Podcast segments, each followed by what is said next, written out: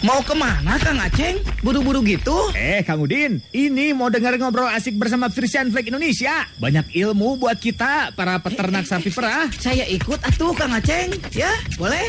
Saatnya ngobrol asik bersama Frisian Flag Indonesia. Persembahan Frisian Flag Indonesia dan Radio Dahlia FM. 101,5 Dahlia FM Bandung Goyang si kasih. Selamat malam Wargi Dahlia. Selamat malam juga nih Baby Alia khusus spesial di, di hari Jumatnya.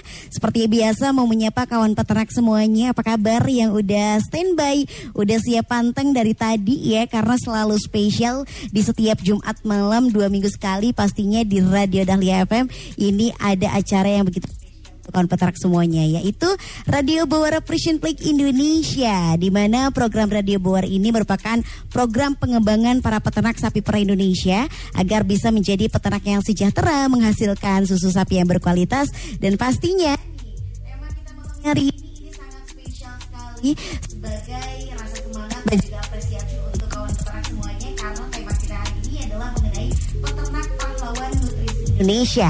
Peran peternak dalam upaya pemenuhan di keluarga Indonesia.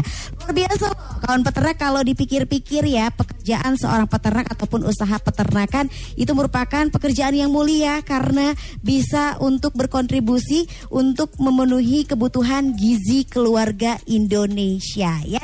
Untuk itu malam hari ini Baby Alia nggak sendirian pastinya akan ngobrol-ngobrol bersama dengan narasumber kita yang sudah hadir di studio maupun yang sudah terhubung via kalau yang di studio Radio Dahlia FM ini sudah seperti biasa tidak asing dan tidak lain dan tidak bukan ya. Sudah sering dilihat oleh kawan peternak semua.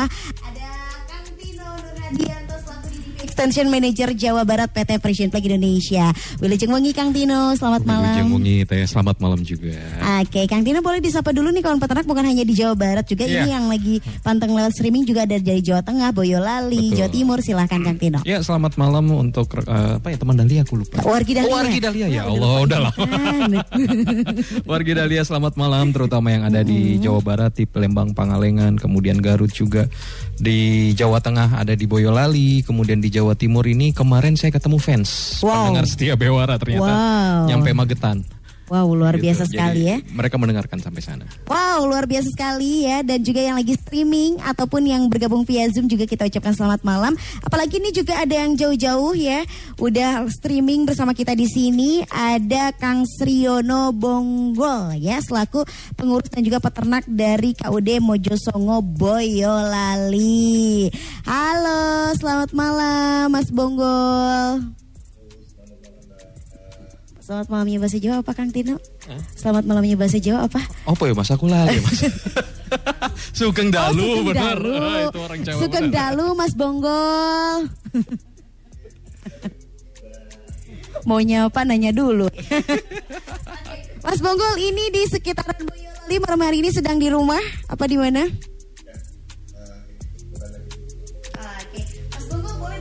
Kawan peternak yang lainnya nih terutama yang jauh-jauh dari Jawa Barat mungkin atau Jawa Tengah silakan.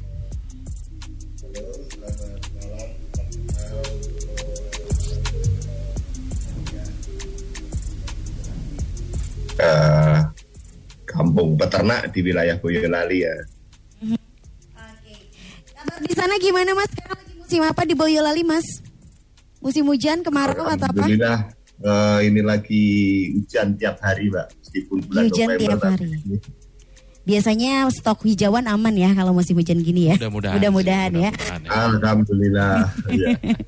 Oke, baik malam hari ini kita pastinya bakalan ngobrol seru bersama dengan Kang, Tino dan juga Mas Bonggol ya di sini. Kang Tino, malam hari ini tema yang sangat menarik dan ini juga sangat bersentuhan sekali dengan peternaknya langsung. Pe- Peternak ini pahlawan nutrisi Indonesia. Peran peternak dalam upaya pemenuhan kebutuhan gizi keluarga Indonesia. Ya. Tujuan diangkat tema ini malam ini di Radio Buara. Kenapa, Mas Tino? Ya, yang pertama ini bulan November ya. Ini sangat identik dengan eh, Hari Pahlawan di tanggal 10 November kemarin ya. Oke. Nah, sementara selama ini banyak pahlawan-pahlawan di sekitaran kita yang sebenarnya nggak nggak banyak diapresiasi gitu ya Ya. oleh oleh kita sendiri gitu ya. Kita kalau ngomong pahlawan itu identik dengan mereka yang memerebutkan kemerdekaan gitu. Padahal banyak pahlawan-pahlawan yang sebenarnya setiap hari kita merasakan jasanya tapi tidak tidak kita apresiasi, Apresiasi secara langsung secara ya. langsung gitu ya. Teman-teman petani, teman-teman peternak, ini mereka setiap hari uh, berupaya memproduksi apa yang kita butuhkan sebagai kebutuhan pokok bahkan ya. Mhm. Kita man- manusia mana sih yang nggak butuh makan gitu kan? Iya dong. Semua butuh makan dan semua itu tercukupi karena ada peran dari petani dan peternak. Iya, iya. Nah, jadi malam hari ini tuh terutama untuk peternak sapi perah kita ingin mengangkat bahwa mereka setiap hari itu berjuang dari subuh sampai malam untuk menghasilkan susu yang kita konsumsi untuk meningkatkan gizi kita Oke. atau gizi anak-anak kita. Jadi peran mereka itu sangat vital uh, bagi masyarakat Indonesia supaya ya masyarakat Indonesia ini secara gizi pun akan tercukupi karena ada aktivitas mereka seperti itu sih. Oke baik ya ke Mas Bonggol sebelum saya tanya lebih lengkap mengenai eh, bagaimana peternak menjaga kualitas susunya, saya pengen tanya seberapa bangga nih eh, seorang Mas Bonggol ya menjadi seorang peternak yang ternyata berperan penting untuk memenuhi kebutuhan nutrisi masyarakat Indonesia. Alhamdulillah Mbak untuk saya pribadi memang sangat bangga ya untuk menjadi uh, peternak ini. Kebetulan sudah hampir 20 tahunan uh, berkecimpung di dunia ternak. Jadi mulai dari lulus sekolah itu sudah masuk ke kandang full setiap hari ngurusin sapi sampai saat ini Oke baik ya, Mas Bonggol, Mas Bonggol selain seorang peternak juga merupakan pengurus juga di KUD Mojosongo. Ini boleh diceritakan nggak secara singkat gimana peternak di sana, begitupun dengan Mas Bonggol sendiri untuk menjaga kualitas susu segar yang diproduksi sapi-sapi perahnya agar bisa mendapatkan kandungan gizi yang baik dari sapi-sapi perahnya. Ya, memang untuk eh, saya sendiri selaku pengurus eh, ke peternak selalu menyarankan ya dibantu dengan Mas Dino, Mas Agung, ataupun Mas Samso yang dari FFI itu untuk memberikan istilahnya edukasi ke peternak bahwa eh, pakan yang berkualitas itu akan menentukan kualitas di susu. Artinya nutrisi yang diterima oleh sapi atau yang dimakan sapi itu akan berpengaruh juga ke kualitas sapi. Terus eh, sistem pemeliharaan sapi manajemen kandang juga harus diperhatikan untuk menjaga eh, kesehatan sapi yang mana sapi yang sehat akan menghasilkan susu yang bagus dengan catatan nutrisi tadi yang diberikan ke sapi memang harus bagus juga kan? Intinya kalau untuk susu sapi itu memang banyak faktor yang harus kita jaga ya dari pakan kebersihan kesehatan terutama waktu pemerahan ya itu sangat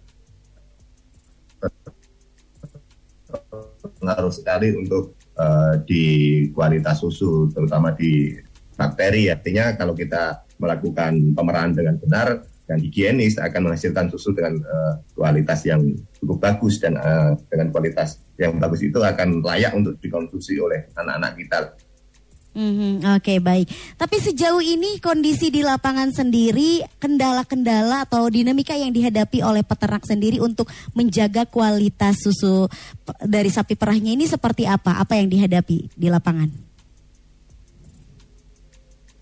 Ya kalau kendala di lapangan khususnya di wilayah Boyolali ya Mbak, ya, kita memang berada di posisi gimana ya eh, lahan kita itu kan lahan ada hujan. Mhm. Jadi eh, hijauan itu kan tidak selalu tersedia setiap saat.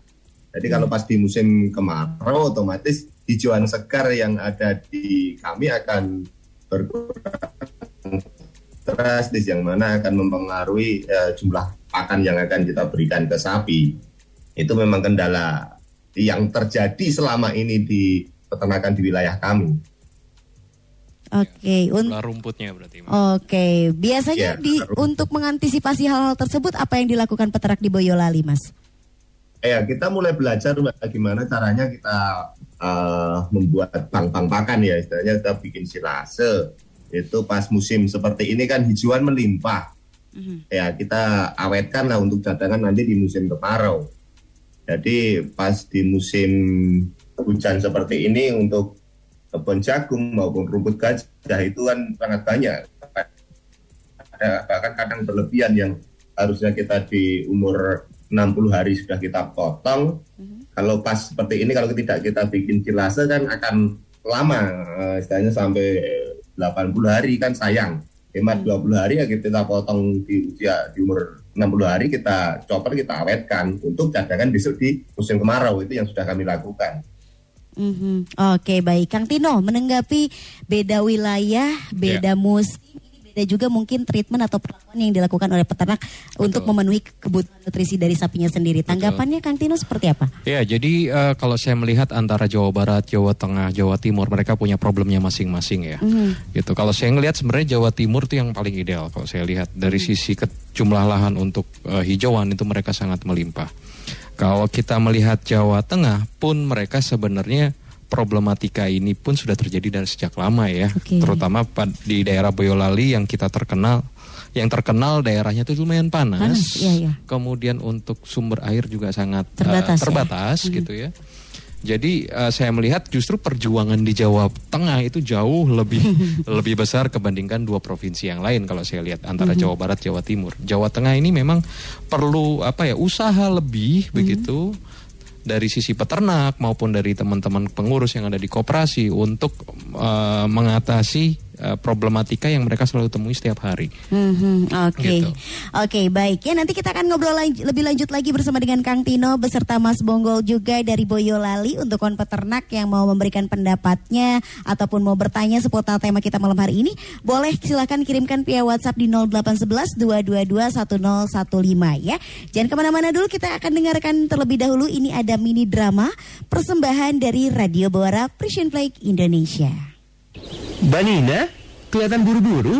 Mau ke mana nih? Eh, Mas Juna, habis dari mana, Mas? Ini saya mau ke koperasi, mau tanya-tanya ke penyuluh soal kebiasaan-kebiasaan baru pasca PMK, Mas, terutama saat di kandang. Wah, emang kenapa mbak? Sapi-sapinya ada yang kena PMK lagi nih? Enggak juga, tapi pasca PMK kan ada kebiasaan-kebiasaan baru yang harus kita terapkan saat di kandang, Mas, agar sapi-sapi kita ini selalu sehat dan cepat pulih produksi susunya setelah sembuh dari PMK, Mas. Ah, bukannya sama aja ya mbak, manajemen kandangnya. Yang penting kan kebersihan kandangnya tetap terjaga. Dan sapi-sapinya sudah divaksin semua. Hmm, nggak sesederhana itu juga, Mas. Ada beberapa kebiasaan lama yang harus diubah, Mas. Terutama terkait kebersihan kandang dan sapi perah supaya produksi susu segarnya cepat pulih. Baik jumlahnya maupun kualitasnya, Mas. Peternak kan salah satu pahlawan nutrisi juga loh, Mas. Jadi, udah jadi tanggung jawab kita sebagai peternak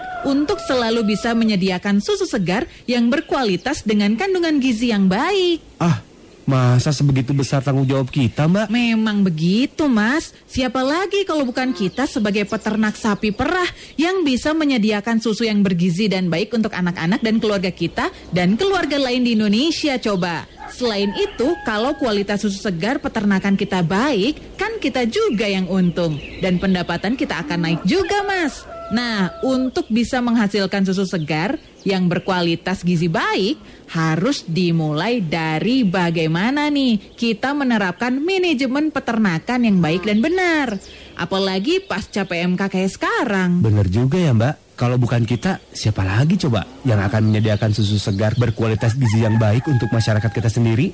Ah, saya jadi pengen tahu juga nih soal kebiasaan-kebiasaan baru dalam manajemen kandang pasca PMK nih. Boleh ikutan konsultasi ke penyuluh dan keswan di koperasi mbak? Boleh banget, Mas. Yuk ikutan yuk. Asik, siapa tuh? Yuk, yuk, yuk.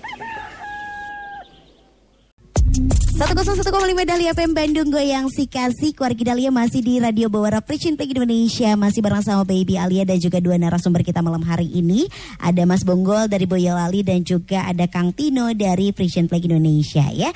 Sebelum kita ngobrol lebih lanjut lagi Baby Alia pengen kasih tahu nih fakta menarik dari Ketua Gabungan Koperasi Susu Indonesia atau GKSI Bapak Dedi Setiadi yang mengatakan saat ini ada beberapa hal yang harus dibenahi dalam upaya mendongkrak kualitas dan juga kuantitas produksi SSDN atau susu segar dalam negeri. Beberapa di antaranya adalah ketersediaan pakan ternak karena keterbatasan lahan, bibit sapi, kepemilikan sapi, produktivitas hingga kualitas susu ya. Untuk produktivitas dan juga kualitas susu, Pak Dedi menuturkan bahwa pentingnya peningkatan pemahaman mengenai Good Dairy Farming Practice atau GDFP dan pastinya bagi para peternak untuk menghasilkan susu dengan kualitas yang baik. Dengan begitu bisa mendapatkan harga susu yang tinggi dan berujung kepada peningkatan kesejahteraan peternak. Kang Tino dengan statement barusan sangat setuju ya, ada harga ada kualitas. Iya, betul ya. Jadi mungkin selama ini ada yang mengeluh masalah harga dan sebagainya, berarti yang harus diperbaiki adalah kualitasnya. Salah satunya itu dulu. Betul sekali ya. Dan pastinya dengan kualitas yang bagus berarti kita menjadi pahlawan tadi Iya, ya. betul, Untuk betul. menghasilkan susu yang berkualitas untuk masyarakat Indonesia. Kang Tino di sini juga kita masih terhubung dengan Mas Bonggo. Mas Bonggo masih terhubung kita. Iya. Iya. Baik ya, Mas Bonggo saya pengen tahu nih kalau di Boyolali sendiri boleh berbagi pengalaman nggak seberapa besar kesadaran para peternak sapi perah di sana terhadap peran mereka dalam upaya untuk memenuhi kebutuhan gizi keluarga Indonesia. Eh kalau kesadaran peternak eh, di wilayah kami ya karena ka- mayoritas peternak di wilayah Boyolali itu kan peternak rumah tangga kecil-kecil mbak. Istilahnya eh, pemeliharaan di kisaran 2-3 ekor lah per keluarga. Jadi mereka kadang masih dijadikan ternak itu sebagai pekerjaan sampingan. Eh, Kalau yang sudah di atas 8 ekor itu kan jadi saya fokus ke ternak. Kalau yang masih peliharanya satu kandang itu cuma dua tiga itu masih dijadikan sampingan. Jadi untuk kesadaran mereka kadang kan yang penting pelihara sapi dapat hasil untuk kebutuhan keluarga. Ya mereka tidak tahu bahwa mereka juga ikut berperan dalam ikut mencerdaskan kehidupan bangsa lah. misalnya. Iya, betul, Untuk betul. membantu misalnya pemenuhan gizi anak-anak. Apalagi sekarang kan pemerintah juga lagi ada program untuk mengatasi stunting, Stunting. ke anak-anak lah. Dengan adanya eh, pemenuhan gizi ini semoga saja program pemerintah ini juga bisa segera terlaksana. Istilahnya Indonesia beba- bebas dari stunting lah Amin. itu dengan ya kita mengkonsumsi susu yang benar-benar berkualitas termasuk anak-anak lah istilahnya anak-anak itu untuk pertumbuhan kan juga bagus untuk pulang karena eh, mayoritas kan postur tubuh Ya, anak-anak Indonesia sekarang yang istilahnya bisa dibedakan lah yang jarang mengkonsumsi susu apalagi dari kecil eh, sudah tidak minum ASI iya, iya. ditanya dengan susu itu posturnya juga istilahnya kurang ideal lah istilahnya untuk apalagi olahragawan pemain bola, pemain badminton di Indonesia kan secara postur masih kalah jauh dengan eh, pemain-pemain luar. Ya semoga saja ke depan istilahnya dengan banyak mengkonsumsi susu anak-anak Indonesia posturnya bisa menyamai pemain-pemain dari luar eh, barangkali di 2030 besok Indonesia bisa masuk Piala Dunia ya Mas Timo. Amin. Amin. Dari Bentar hal lagi kecil kan Piala Dunia. Dari hal kecil bisa berpengaruh besar ya Kang Tino ya. Ini Iya. susu sapi perah yang pastinya yang tadi Alia bilang dari hal kecil bisa berpengaruh besar untuk bisa menjadikan upaya kebutuhan gizi keluarga Indonesia. Tentunya ini Kang Tino peternak gak bisa sendirian. Iya. Ada peran industri dan koperasi di sini Kang Tino ya.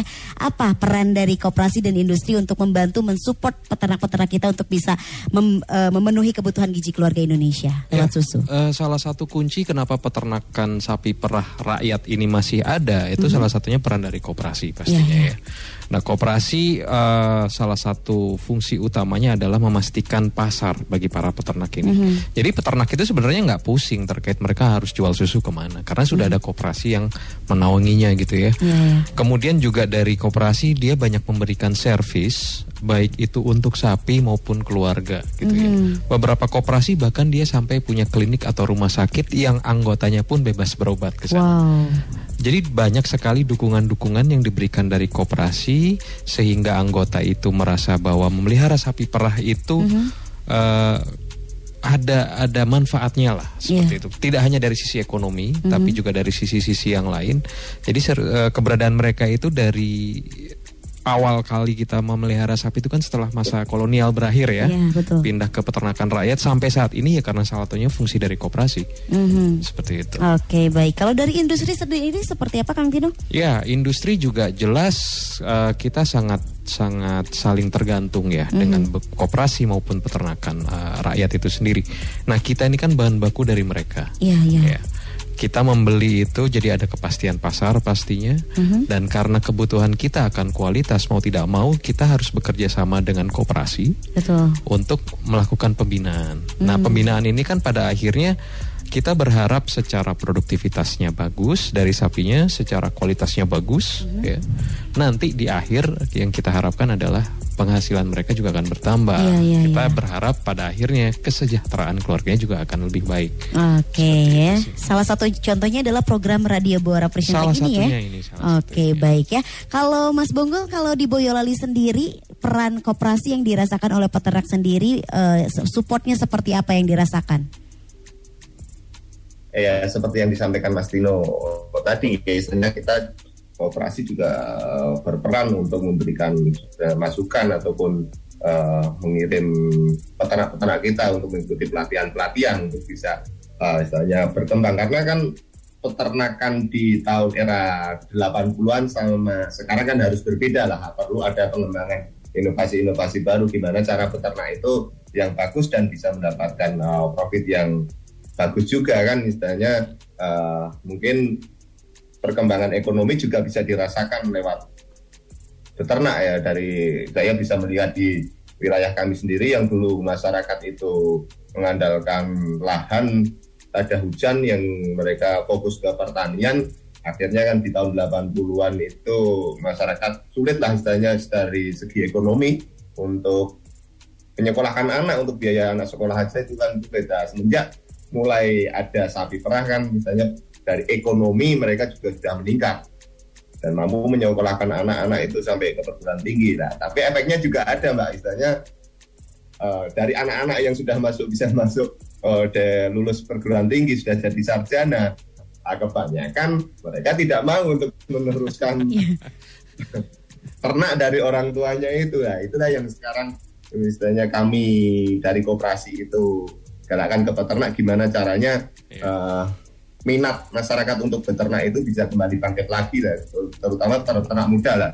Kalau yang peternak muda masih berorientasi luas itu ke depan dia mau eh, mengembangkan bisnis ternak itu karena kan kalau satu peternak bisa pelihara lebih dari 10 sampai ke 20 nah, katakanlah itu kan dari misalnya 500 peternak itu sudah berapa ribu ekor kan. Iya.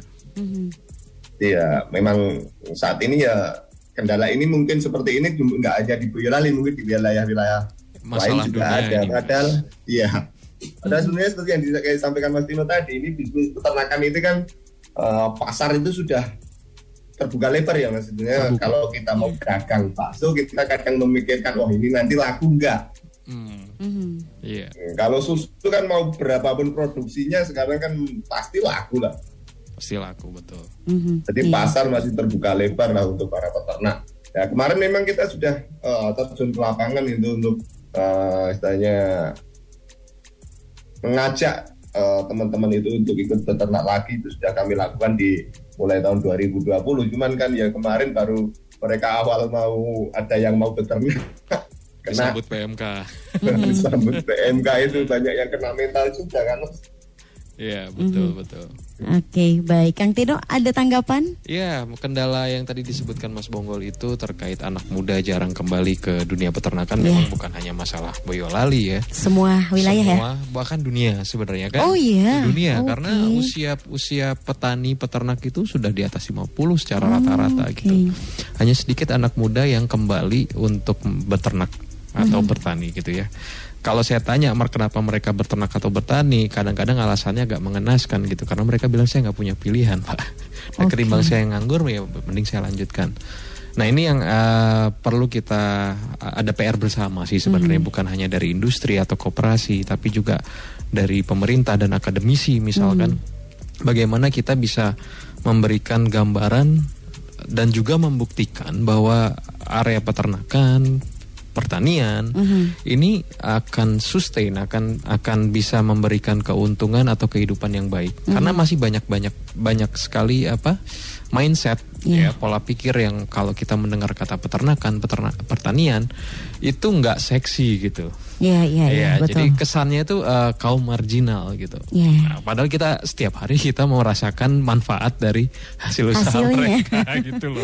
Bener, bener, bener. Jadi kan sebenarnya pasarnya ini kan sangat-sangat luas untuk Luas, dunia itu ya. betul. Siapa yang nggak butuh makan? Kan? Iya, Kayak benar, benar, kan. benar. Setiap hari kita butuh makan dan setiap hari kita perlu hasil usaha mereka gitu. Mhm. Jadi agak-agak sedikit lucu gitu ketika Betul, betul. bisnis ini kita ditinggalkan oleh anak muda. Oke, baik ya. Oke, em, Mas Bungo masih terhubung ya?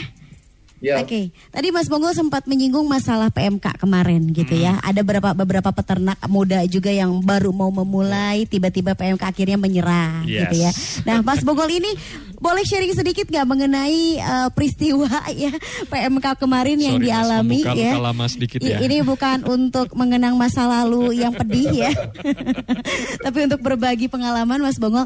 Kemarin katanya Mas Bongol ini termasuk salah satu peternak di Boyolali yang sapi yang tumbangnya itu cukup banyak, Banyak, ah. ya.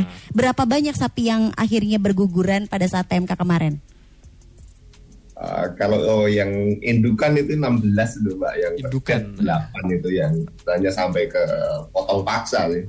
Iya. Wow, Tidak 16 mau sapi. Yang Iya. pedetnya berapa mas? Kalau pedetnya masuk ke Sukabumi itu 8. Wow. Wow. Jadi bukan 16 24. Kan 16 tambah 8 24 ini ternyata ya kirain 16. Ini luar biasa 24 sapi yang akhirnya tidak bisa terselamatkan istilahnya begitu ya Mas Bongol pada saat PMK kemarin. Iya. Tapi ngelihat sampai saat ini Mas Bongol masih senyum, masih happy dan masih berusaha survive dan membuktikan bahwa eh, usaha peternakannya harus tetap lanjut. Apa yang membuat Mas Bongol bisa tetap bertahan sampai detik ini, Mas? Iya, saya optimis saja mbak istilahnya meskipun badai kemarin seperti itu ya kita harus optimis ke depan pasti bisa. Karena uh, sekarang bisa dilihat kan uh, pasca PMK ini harga sapi kan naik lah. Betul. karena kesulitan kita memang untuk mencari uh, bibit-bibit yang bagus kita juga sekarang sulit. Bahkan di pasar pun terkadang rebutan ya karena uh, memang di Boyolali kebetulan kemarin kan yang masuk ke RPH itu banyak sekali Mhm. Iya. Oke, Mas Bonggol mungkin sinyalnya Uh, apalagi pedet yang lahir di bulan Iya. Saya matikan aja ya anu Oke, uh, udah bisa kedengaran Oke. lagi kok mas? aman Mas Bonggol boleh diulangi kembali, mangga silakan. Iya, kebetulan kan di Boyolali khususnya di kecamatan saya Mojosongo itu kan memang pertama Pak, di kasus di Jawa Tengah. Oh, Nah, itu pelaporan pertama terjadi PMK itu eh, di bulan Mei akhir. iya. awalnya itu ya yang terdeteksi terus akhirnya dinyatakan positif PMK.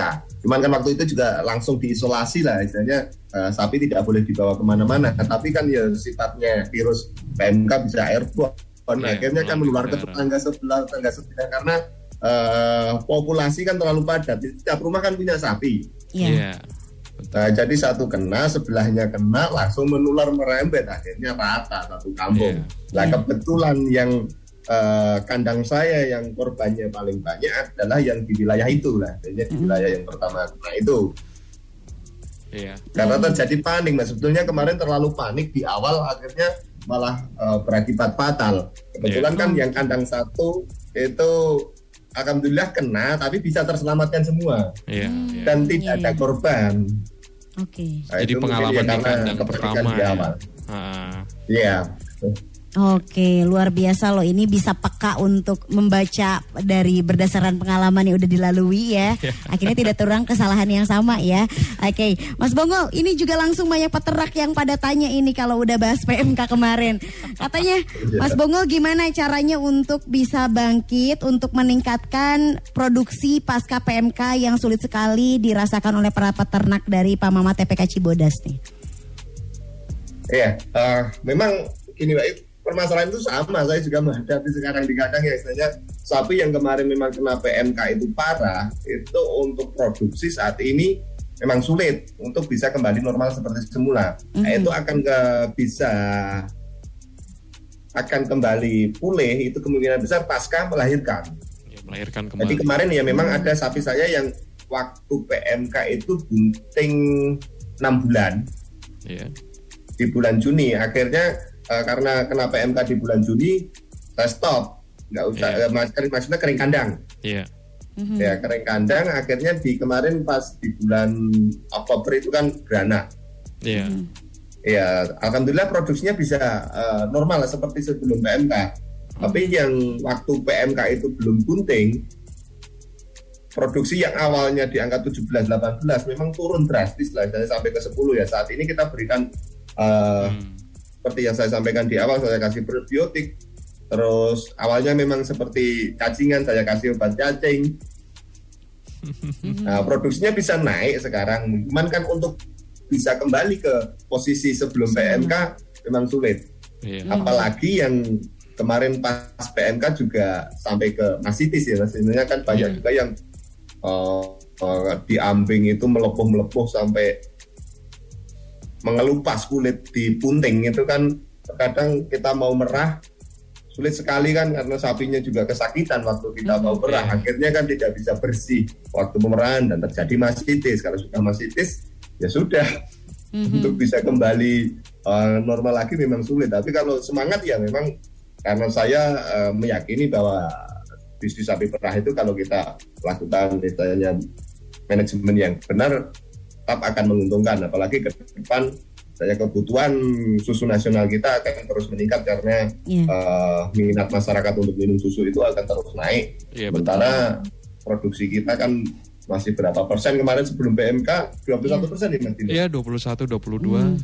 Sedangkan Iya. kebutuhannya berapa persen? Mas Tino yang belum terpenuhi? Iya 78. Kalau dengan adanya PMK kan berarti udah nggak dua-dua lagi. Wow, Betul, turun lagi ya. Lebih turun lagi. lebih turun lagi.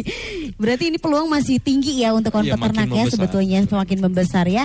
Oke, Mas Bonggol ini juga ada yang tanya katanya setelah uh, badai PMK kemarin, Mas Bonggol ada treatment khusus nggak sama sapi-sapi perahnya? Entah itu pemberian tambahan nutrisi ataupun mineral yang khusus gitu. Ada nggak Mas Bonggol?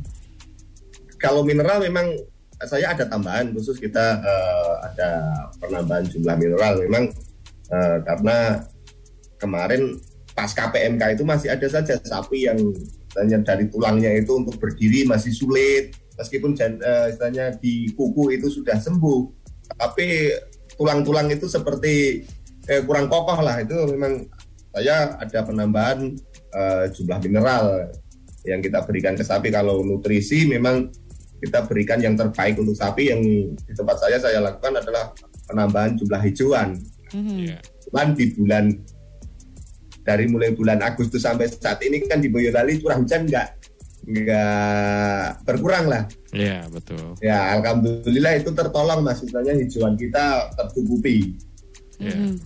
Oke. dan juga perlu memang diperhatikan lagi tanya pengalaman PMK kemarin ya kita jadikan pembelajaran lah gimana caranya kita eh, memperlakukan sapi itu dengan baik gitu ya yang dulu kadang kita membersihkan kadang ogah-ogahan ya sekarang daripada kita kena lagi terjadi kerugian yang cukup besar sekarang ya itu harus ekstra Pembelajarannya mahal. Iya. Mahal sekali ya. 24 Iya. sapi ya. Wow. Biasa daripada yang sudah terjadi ya lebih baik Iya, betul. bangkit dan perbaiki ya Kang Iya, Tino ya. betul. Jadi- Oke, baik. Nanti kita akan ngobrol lebih lanjut lagi dengan Mas Bonggol dan juga Kang Tino.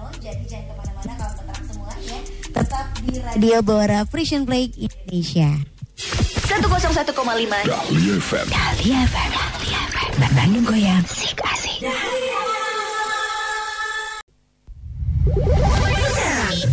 Wargi bisa streaming siaran radio Dahlia FM via aplikasi Ju via aplikasi Ju. Bora Frisian Play Indonesia masih bersama dengan Baby Alia dan juga Kang Tino dan juga Mas Bonggol ya. Malam hari ini pastinya tema yang sangat spesial sekali ya untuk para pahlawan-pahlawan nutrisi Indonesia. Salah satunya adalah peternak kita yang luar biasa karena peran peternak ini bisa sangat berharga dalam upaya pemenuhan kebutuhan gizi keluarga Indonesia. Kang Tino boleh dikasih tahu nggak kabar gembiranya ataupun informasi terupdate mengenai kondisi suplai susu domestik terhadap kebutuhan susu nasional saat ini seperti apa Kang Tino? Kabar gembira ya. Kabar kurang gembira mungkin atau apa yang mau disampaikan? Iya, jadi eh, begini. Sebelum PMK, Mhm. kita itu kan baru memenuhi kebutuhan nasional secara data pemerintah itu kan 22 persen. Ya, Berarti kan ada sekitar 78 persen itu yang kita impor dari luar negeri. wow. Bisa dari New Zealand, bisa dari US gitu ya, atau dari negara yang lain. Nah dengan adanya PMK, salah satu dampak terbesar kan eh, berkurangnya jumlah sapi dan turunnya produksi susu dari sapi-sapi yang kemarin sakit. Gitu. Oke. Data itu saya rasa perlu direview lagi. Sekarang tinggal berapa persen lagi? Iya, iya. Kalau secara gambaran kasar mungkin eh, kita berhilang sekitar 60 persen. Oke. Kalau kita lihat data kasar dari masing-masing koperasi jumlah produksinya, Mhm. rata-rata berkurang antara 40 sampai 60 persen. Jadi kemungkinan data nasional kita mungkin sekarang ada di sekitaran belasan ya, mungkin antara Oh. 14, mungkin 15 persen. Ya itu yang perlu kita tahu lebih. Itu dari sisi bad newsnya, cuman dari Kabar sisi gembiranya? kabar gembiranya sebenarnya dari sisi pola konsumsi masyarakat Indonesia tiap tahun tuh kita ngelihat berubah berubah gitu ya trennya itu terus terus berubah Eh, salah satunya yang paling gampang adalah konsumsi kopi lah ya Iya, iya, iya. itu kan biasa kafe kafe kopi juga makin banyak menjamur Betul. kemudian eh, apa ya gaya hidup ingin sehat ya Betul, itu kan betul. juga di orang-orang perkotaan saya lihat juga mulai sering nih gembar-gembor tentang mengenai kesehatan Mhm. jadi berdampak pada konsumsi eh, susu Mhm. akibatnya pasar yang harus kita penuhin sebenarnya semakin, Semakin meningkat ya? semakin meningkat kebutuhannya Mhm. semakin meningkat sementara eh, produksi nasional kita masih sangat rendah jadi masih banyak peluang yang Mhm. sangat terbuka Mhm. bagi eh, teman-teman di luar sana terutama yang anak-anak muda nih Iya, iya. ayo kembali ke desa untuk bangun desanya melalui pengembangan salah satunya mungkin bisa dari peternakan sapi perah seperti itu Wow, luar biasa loh ya. Ternyata kebutuhan susu di Indonesia itu masih sangat tinggi, sementara suplainya masih sangat rendah ya. masih sangat Ini kabar ba- kabar, kabar menyedihkan, tapi menggembirakan juga. Ternyata peluangnya masih sangat baik, peluangnya masih besar sangat sekali ya, Kang Tino nah, ya. makanya tadi Mas Bungul bilang mau peternak saat ini pun yang ada Mhm. kalau mau berproduksi sebanyak Banyak apa pun, apa pun. akan diterima gitu. Iya ya, sebetulnya Iya. wadah sudah ada di koperasi Wadah ibaratnya mah ya. Oke, luar biasa. Kalau dari upaya-upaya yang dilakukan oleh industri ataupun koperasi bahkan pemerintah sendiri nih Iya. untuk meningkatkan suplai susu domestik sendiri seperti apa Kang Tino? Ah, macam-macam ya. Tadi Mhm. kalau dari level koperasi bagaimana mereka meningkatkan pengetahuan dari dari anggotanya pastinya ya Mhm. terkait bagaimana pemeliharaan sapi yang benar.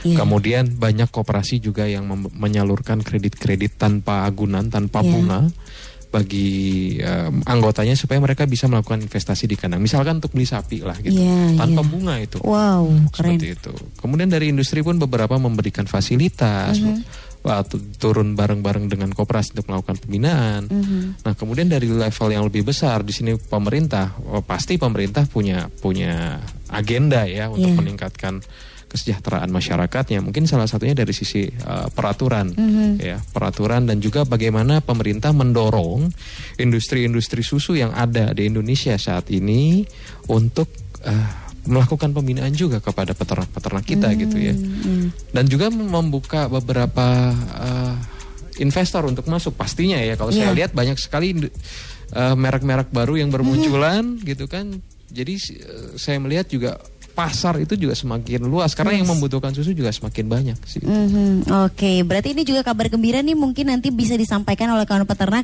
ke putra putrinya gitu ya Iya. sebagai penerus usaha peternakannya. Karena seperti yang tadi kuncinya yang Kang Tino bilang, mau sebanyak apa pun produksi susu yang dihasilkan oleh kawan peternak itu pasti akan diterima sama pihak koperasi ya. Betul. Luar biasa sekali ya. Dan pastinya juga jangan lupa nih untuk kawan peternak semua ya ataupun untuk warga Dahlia yang mau mengikuti kuis. Sesaat lagi kita akan angkat telepon di 73028 atau di 7311710 untuk mengikuti kuis persembahan dari Precision Play Indonesia ya. Oke, Mas Bo- Mas Bongo masih terhubung bersama kita di sini? Ya. Iya. Halo Mas Bongo. Halo, ya, halo Mbak. Ya, Mas Bogol tadi udah dengar kabar yang begitu luar biasa dari Kang Tino ya. Kabar mengenai bahwa ternyata suplai susu ini masih rendah dan permintaan susu segar ini semakin meningkat. Dari sudut pandang peternak mendengar kabar ini seperti apa Mas Bogol? Ya tentu saja bagi peternak kan sangat mengembirakan ya. Semoga saja kan eh, eh, eh, minat peternak itu nanti akan semakin tinggi untuk eh, kembali beternak lagi lah itu ya yang kemarin. Eh, pasca PMK sapinya berkurang itu mereka eh, mau berusaha untuk gimana cara menambah populasi lagi untuk bisa mendapat eh, menambah populasi di kandang mereka. Karena memang kalau kita mau pelihara sapi cuma satu dua itu kalau kita jadikan eh, pekerjaan pokok nggak akan cukup ya mbak. Itu untuk Iya. kebutuhan keluarga. Tapi kalau nanti sudah di angka lima ekor ke atas sampai ke 8 bahkan 10 kalau kita melakukan dengan manajemen yang benar itu akan cukup lah. Sebenarnya eh, dari segi materi itu akan cukup untuk kebutuhan keluarga. Karena eh, dari delapan ekor itu, itu sudah saya alami dulu di tahun 2000-an itu kan bisa cukup untuk menghidupi keluarga untuk menyekolahkan anak apalagi kalau nanti peternak itu mau berkembang bisa ke 20 nah itu kan nanti akan lebih lagi misalnya keuntungannya.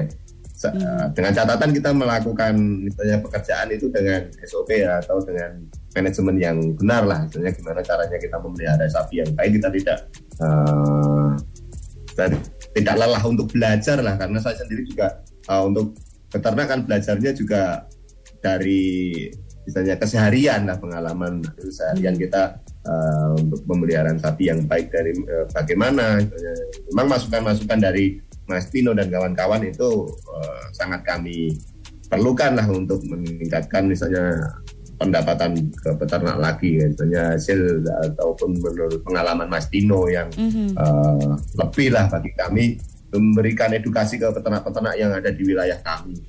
Oke, baik luar biasa Mas Bogol ya. Oke, kita akan telepon di 73028 atau di 7311710 untuk yang mau ikutan kuis dari eh, Vision Flag Indonesia. Ada siapa ini? Halo, Radio Bawara Vision Flag Indonesia. Halo.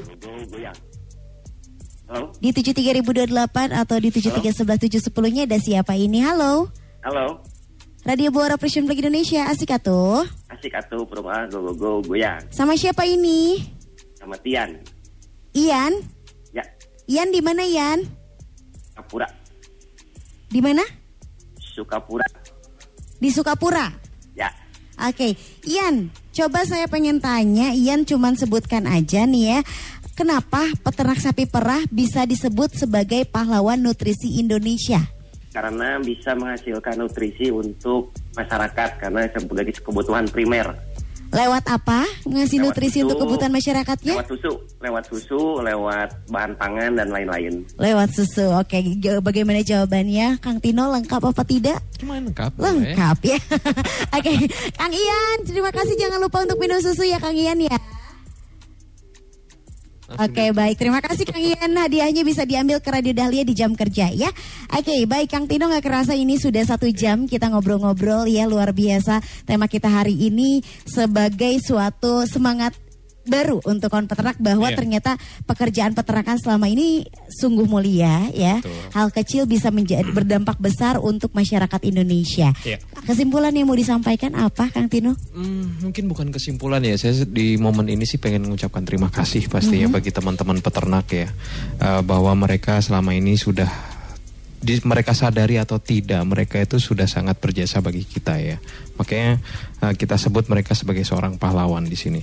Bayangin mereka bangun dari sebelum subuh ngurus sapi pekerjaan berat bahkan sampai setelah maghrib pun mereka masih kerja Betul. dan nggak ada libur nggak ada libur sama sekali tapi mereka masih mau melakukan itu eh, untuk memenuhi eh, permintaan industri dan pastinya juga untuk memenuhi kebutuhan gizi secara nasional itu sih jadi saya ingin mengucapkan terima kasih dan tidak lupa mengingatkan kepada teman-teman peternak di luar sana eh, berbanggalah menjadi seorang peternak Iya, luar biasa ya. Sama halnya kayak Mas Bonggol yang sampai saat ini masih berbangga menjadi seorang peternak. Apa yang mau disampaikan untuk kawan peternak yang lainnya? Mungkin silakan Mas Bonggol. Ya, eh, terima kasih ya. Tetap semangat untuk para peternak-peternak eh, di seluruh Indonesia ya. Istilahnya kita tetap semangat pasca PMK ini. Semoga saja ke depan eh, akan lebih baik lagi lah. Istilahnya karena eh, yang disampaikan Mas Tino tadi kan benar istilahnya kita masih terbuka lebar untuk pasar. Jadi mau berapapun kita mau nambah populasi, eh, semoga saja akan bisa mewujudkan Indonesia yang mandiri misalnya karena swasembada pangan Indonesia di padi sudah bisa semoga saja di susu suatu saat akan bisa Amin, amin, amin, amin. Semangat terus ya Mas Bonggol dan juga kawan-kawan peternak yang ada di Boyolali ya. Terima kasih Ya, banyak untuk ya. waktunya malam hari ini juga. Salam buat para peternak lainnya. Luar biasa ya. Malam hari ini obrolan kita bersama dengan Kang Tino dan juga peternak ataupun pengurus dari Boyolali juga. Ini ada Mas Bonggol yang tadi sudah berbagi pengalaman yang sangat penting sekali untuk kita semua. Jadi saatnya sekarang para peternak Indonesia bangkit kembali ya. Yuk semangat sama-sama untuk menjadi pahlawan nutrisi Indonesia. Karena peran peternak dalam upaya pemenuhan Indonesia ini sangat-sangat dibutuhkan perannya mulai dari sekarang juga ya. Baby Alia, Kang Tino dan juga Mas Bongo pamit undur diri dan pastinya semua hal yang disampaikan oleh ini telah dilakukan oleh banyak peternak dengan hasil yang baik. Jadi tinggal bagaimana peternak Indonesia berani dan mau mencobanya dan ingat lakukan perubahan secara bertahap karena ingat kesuksesan itu butuh pengetahuan dan juga keberanian. Kawan peternak yang ada di Zoom, terima kasih banyak yang di rumah juga yang pantengin di 101,5 Dahlia FM juga terima kasih banyak. Insya Allah nanti kita ketemu lagi di episode berikutnya di tanggal 2 Desember 2022 ya. Pamit undur diri. Maaf maaf kalau ada salah kata panteng radio panteng Dahlia enak-enak langgamnya Dahlia prung ah go go go goyang. Kang Udin, Kang Udin. Mo.